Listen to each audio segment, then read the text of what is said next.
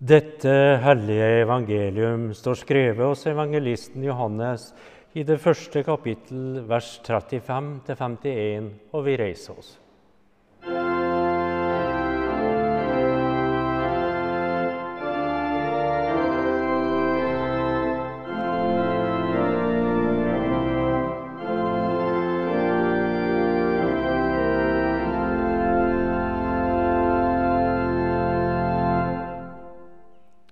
Dagen etter sto Johannes der igjen sammen med to av disiplene sine.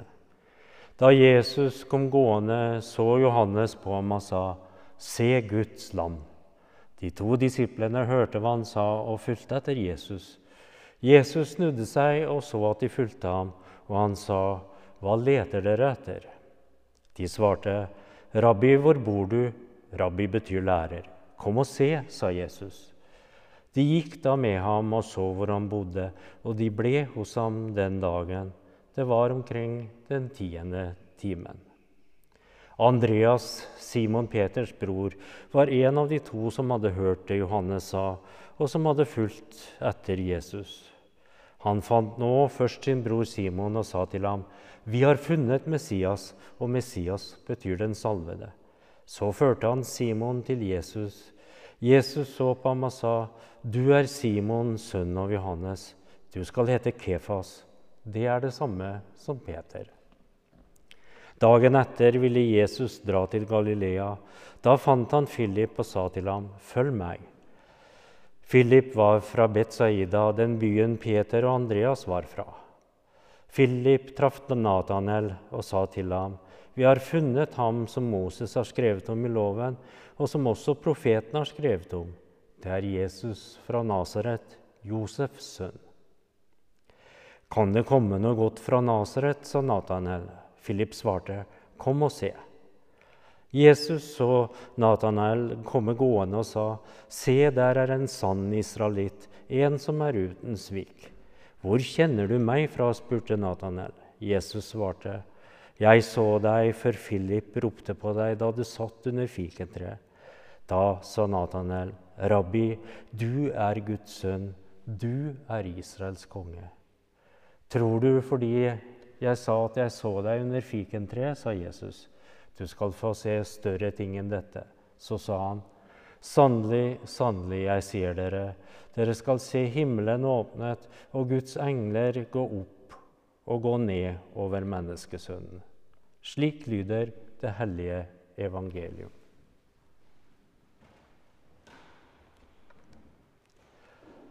Kjære menighet, en av de tingene som jeg syns er spennende ved å lese Bibelen, og kanskje særlig beretningene om Jesus i de fire evangeliene, er at det gir nærmest et slags kikkehullaktig blikk inn på menneskene fra fjern fortid i et land, i et land langt bort.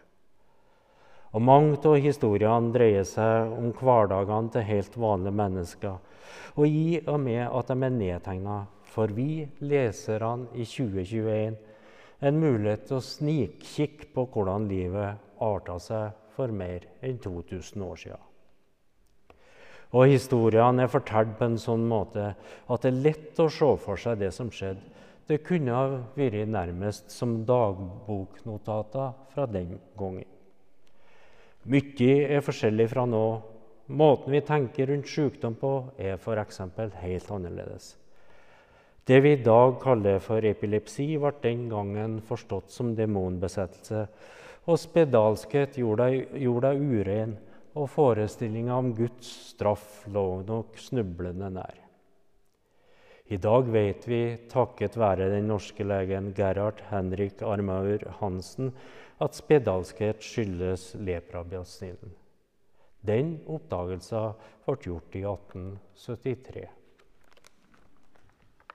Men om mye er forskjellig, er det òg mye som er lett å kjenne seg igjen i.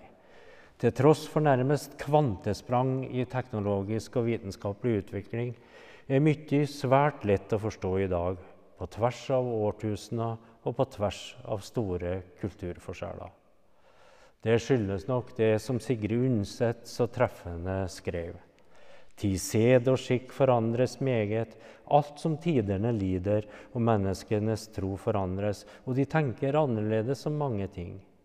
Men menneskenes hjerter forandres aldeles intet i alle dager. Når vi i dagens tekst hører Nathanael si 'Kan det komme noe godt fra Nasaret?' er det nærmest som et ekko av det vi bygdinger ofte blir møtt med. Kan det komme noe godt fra avkrokene? Kan det være noe annet enn sneversyn og ukultur og vent fra den kanten? Og Nathanael har rett. Nasaret var en avkrok i avkroken innenfor det store romerske riket. Og ryggmargsrefleksen hans slår til. Kan virkelig han som Moses og profetene har skrevet om, komme fra avkroken Nasaret? Burde ikke Messias heller komme fra den hellige byen Jerusalem? Hvordan kan en snekkersønn fra den støvete småplassen bli Messias? På et vis er denne bakgrunnen til Jesus med å forme historien om Guds rike. Vel vet vi at han er av Davids ett, men han ble født i en stall av vanlige foreldre langt fra maktas tinder. Og med en oppvekst i Nasaret skjønner vi at Guds rike er annerledes enn menneskenes verden. Gud bryr seg lite om rikdom, makt og status. Og når han kommer til jorda, er det de fattige gjeterne, de forhatte tollerne og de fattige fiskerne, de utstøtte kvinnene og de sjuke på kropp og sjel han virker iblant. Ikke konger og mektige, ikke prester og skriftlærde. Nathanael svelger skepsisen sin og blir med sin venn Philip. Og Jesus har alt sett han. Og, og Jesus sier og Jesus så Nathanael kom gående og sa, Se, der er en sann israelitt, en som er uten svik. Hvor kjenner du meg fra? spurte Nathanael. Jesus svarte, jeg så deg før Philip ropte på deg da du satt under fikentreet. Da sa Nathanael, Rabbi, du er Guds sønn, du er Israels konge. Jesus har sett han først, og det tror jeg er et kjempepoeng som gjelder oss alle. Jesus har sett oss, han kjenner oss. Mange døpte og udøpte kan gå gjennom store deler av livet uten at tanken på Gud er sjenerende til stede. Ofte handler det om at i vår familie og blant våre venner er det ikke vanlig å tenke på tro, og for noen av oss virker det helt irrelevant og ulogisk. Vi har hørt historiene om miraklene som Jesus utførte, men i stedet for at de fører oss til tro, så synes vi at de er så usannsynlige at de snarere leder oss til vantro. Og vi har mer enn nok å fylle dagene våre med. Det er karriere og penger, ekteskap og unger og et krav om å være vellykka på alle områdene som tar oss. Tid til refleksjon om meninga med livet blir det lite av der vi hopper omkring fra det ene gjøremålet til det andre. Men så skjer det et eller annet. Nå gjør at vi stopper opp og stiller spørsmål om livet i hamsterhjulet. Kanskje har vi gått på en smell, helsemessig, yrkesmessig eller i samlivet, og vi kjenner på en djup uro som ikke kan stilles av panisk aktivitet eller frenetisk shopping etter flere ting. Ja, ikke engang trening kan fylle vår indre uro, vår indre lengsel. Og sjøl om det kanskje ikke oppleves sånn, så tenker jeg at det er Gud eller Jesus som kaller på oss i våre indre. Som ber oss om å vende hjem, hjem fra våre ville veier, bort fra tomme ting og dyrking av penger.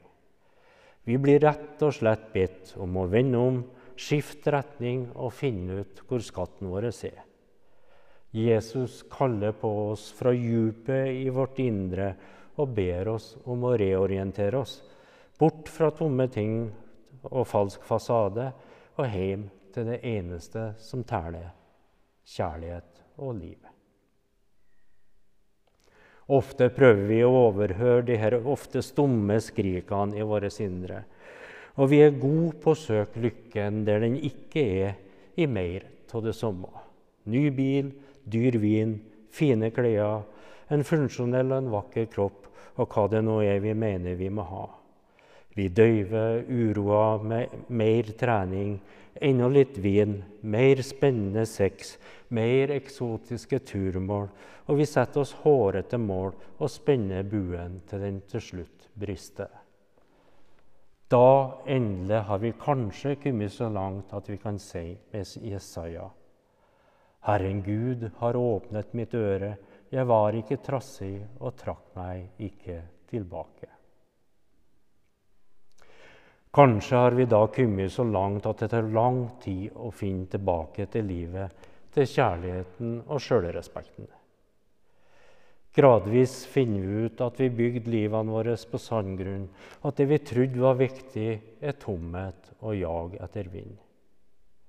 Og vi innser at vi kan ingenting ta med oss dit vi går.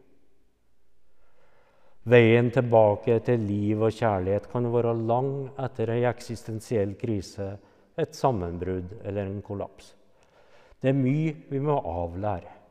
F.eks. at vi ikke har kontroll og ikke kan ha kontroll. Livet er ikke et rotterace vi skal mestre eller vinne. Livet er ren gave, og den rette responsen er å takke og gi kjærlighetens gave videre til våre omgivelser. Vi er ikke herskere, men tjenere. Vi er ikke jordens skapere eller betvingere. Vi er skapt og en del av hele skaperverket.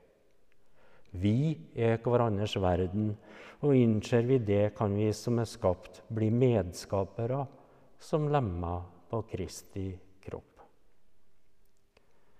Veien er lang, og vi blir ikke ferdig med å gå den. Hver dag prøver vi på nytt å følge Han som er veien, sannheten og livet på kjærlighetens vei.